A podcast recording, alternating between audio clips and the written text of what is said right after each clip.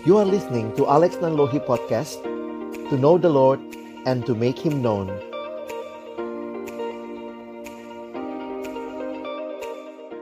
Oke, ada apa lagi yang ditanyakan? Ada pertanyaan demikian. Bang gimana kalau mulai mendoakan seseorang? Ya doain aja sih sebenarnya ya. Tutup mata. Mata, bukan. Enggak lah. Ini pertanyaannya pasti bagaimana memulai mendoakan untuk mendoakan. Mendoakan. seseorang. Ya, Ini ada juga pertanyaan yang sama sih. Bagaimana mengetahui apakah Hmm. pria itu kehendak Tuhan atau tidak? Nah mungkin kita Hmm. jawab dulu kali ya. Gimana kalau mulai mendoakan seseorang? Hmm. Saya pikir sih dalam dalam kehidupan sehari-hari ketika kita tahu kita butuh orang lain termasuk butuh sahabat seumur hidup which is pasangan, akan menuju ke pernikahan maka mari kita mulai mendoakan. Hmm. Saya ketemu di beberapa teman yang bahkan mereka sudah belajar atau mulai mendoakan bahkan ketika belum ada ser-ser di hati pun Iya. sudah Tuhan eh, saya butuh teman hidup kalau memang Tuhan eh, bukan kalau memang ya Tuhan buka jalan sediakan berikan yang tepat pada waktumu dan yang terbaik Iya begitu. benar. Jadi kita bisa mulai mendoakan teman-teman ya dan itu Meskipun akan belum ada belum wujud ada orangnya ya, iya Bang, ya. uh, uh. tapi itu menjadi satu bukti iman kita kita meyakini bahwa Tuhan tahu kebutuhan kita dan salah satunya adalah kebutuhan punya pasangan teman hidup. pasangan hidup begitu ya Dan mungkin kalau misalnya mulai ngedoain tuh Mm-mm. eh aku jadi inget sih ya ada Hmm. yang ada yang pernah bilang bahwa kalau ngedoain pasangan hidup tuh jangan memulai dengan kriteria-kriteria oke mau yang mungkin mau yang kayak pesen gitu sama Tuhan Iya, ya heeh, Tuhan eh, pokoknya saya mau yang misalnya eh, bisa main musik gitu ya Mm-mm. bisa nyanyi suaranya bagus gitu atau Hmm. misalnya pesennya Tuhan pokoknya kalau bisa dia Hmm. jangan pendek misalnya kayak gitu jadi maksudnya kalau atau misalnya kalau cowok Tuhan pokoknya pengennya yang cantik gitu ya. Eh, mau rambut panjang pendek yang penting cantik misalnya kayak gitu.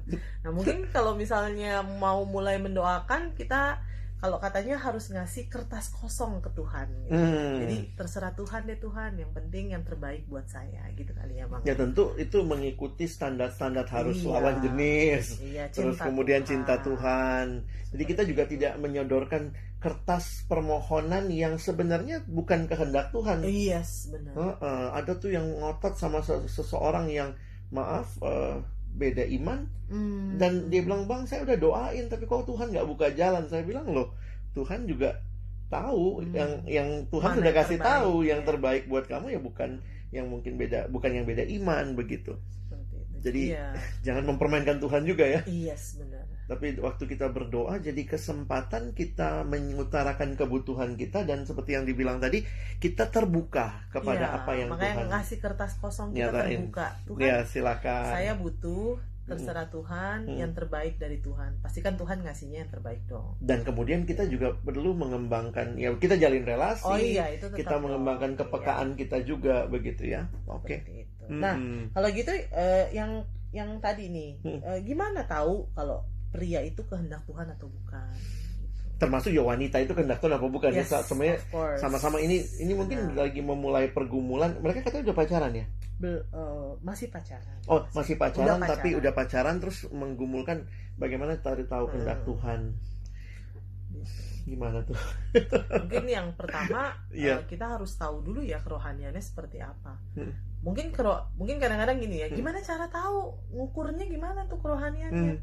Kalau saya pernah bilang sama adik KTB saya begini Hmm. sih, Eh, ya ketika kamu ngobrol sama dia, Hmm. ngomongin hal-hal yang rohani, hmm, bagaimana pandangan dia, Hmm. maksudnya ter- terhadap hal-hal rohani itu misalnya, Hmm. atau misalnya kalau misalnya kamu sharing tentang firman Tuhan, gimana respon Responnya dia, gitu? Apakah dia Hmm. mendengarkan atau mungkin dia eh, bosan? Kan kita bisa lihat dong gerak-geriknya harusnya, Hmm. maksudnya melihat bagaimana responnya. Atau mungkin ke- kalau Hmm. misalnya kita mungkin boleh tanya sama dia gitu ya. eh, Hmm.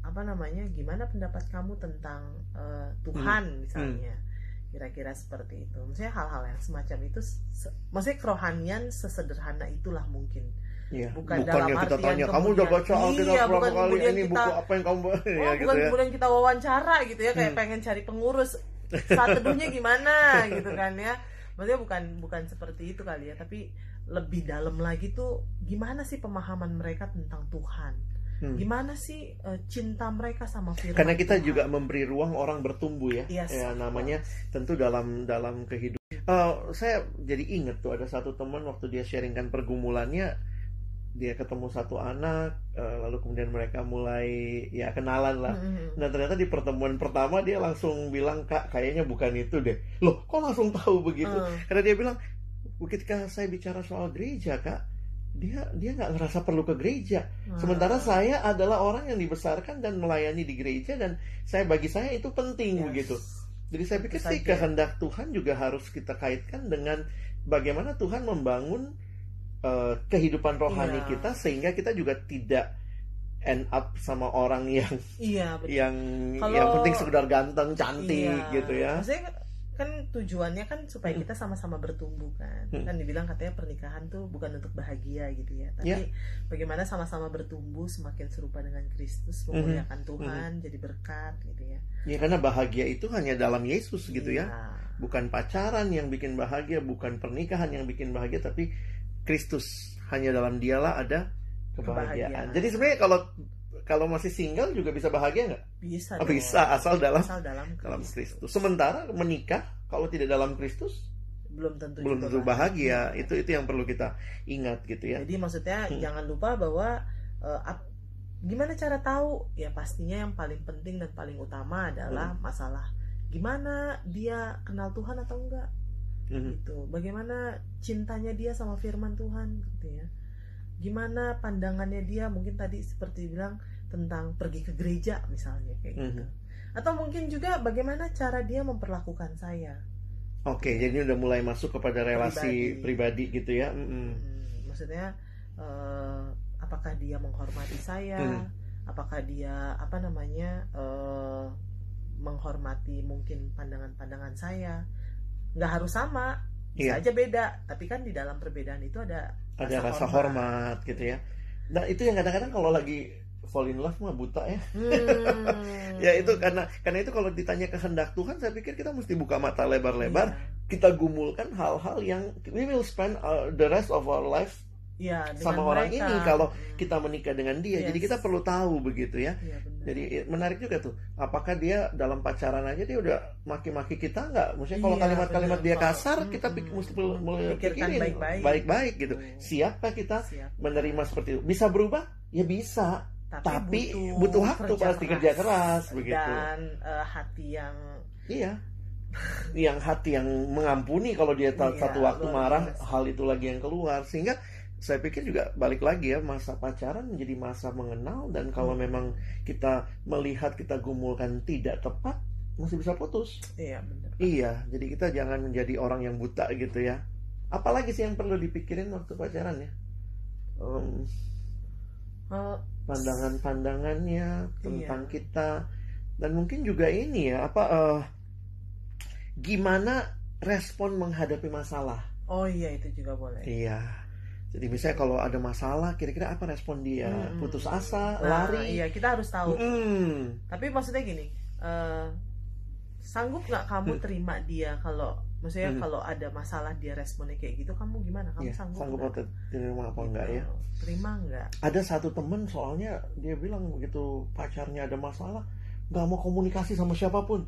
Tutup uh, komunikasi. tutup komunikasi. Nah itu cara dia handle masalah dan saya bilang ya kalau kamu siap menikah dengan orang seperti itu ya itu akan menjadi cara dia mengatasi masalah. Iya benar. Dan itu maksudnya walaupun lagi indah-indahnya mesra-mesranya karena itu hati-hati pacaran bukan cuma romantisme iya. jalan makan tapi kenal dia dan pengenalan itu butuh waktu yang cukup saya pikir juga hati-hati yang cuman baru kenal kemarin eh udah langsung mau hmm. jalan lalu kemudian kalau siap merit lagi nah itu kita perlu ingat karena ya. pengenalan yang lama hmm. pun nggak menjamin nggak menjamin kenal gitu kan betul maksudnya apalagi pengenalan yang cuman mungkin seadanya gitu hmm.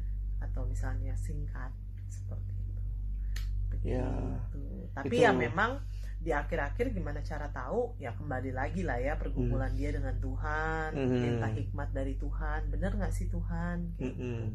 maksudnya semua itu semua yang tadi itu uh, hmm. dapat menjadi pertimbangan tapi pada akhirnya end, ya, ya pada akhirnya kembali lagi pergumulan dia dengan Tuhan dan satu hal lagi satu hal lagi pengenalan akan pasangan kita tuh seumur hidup juga oh iya nggak bisa iya.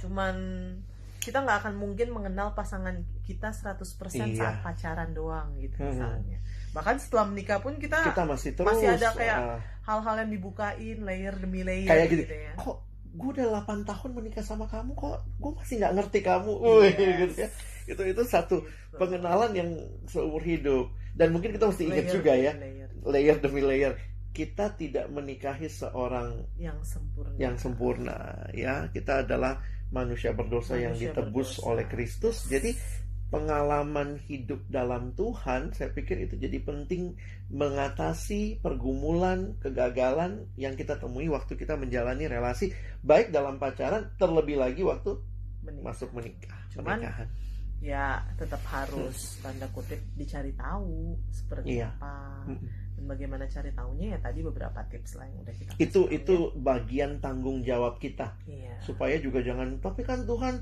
saya udah doa Tuhan kasih dia tapi lihat dulu dianya ini ngalamin nggak yang tadi kita bilang misalnya iya. apakah dia mengenal Tuhan, apakah dia memperlakukan saya dengan baik dan itu semua akan menjadi modal untuk kita memasuki uh, sebuah rumah tangga. Sebuah rumah tangga. Hmm, hmm, hmm.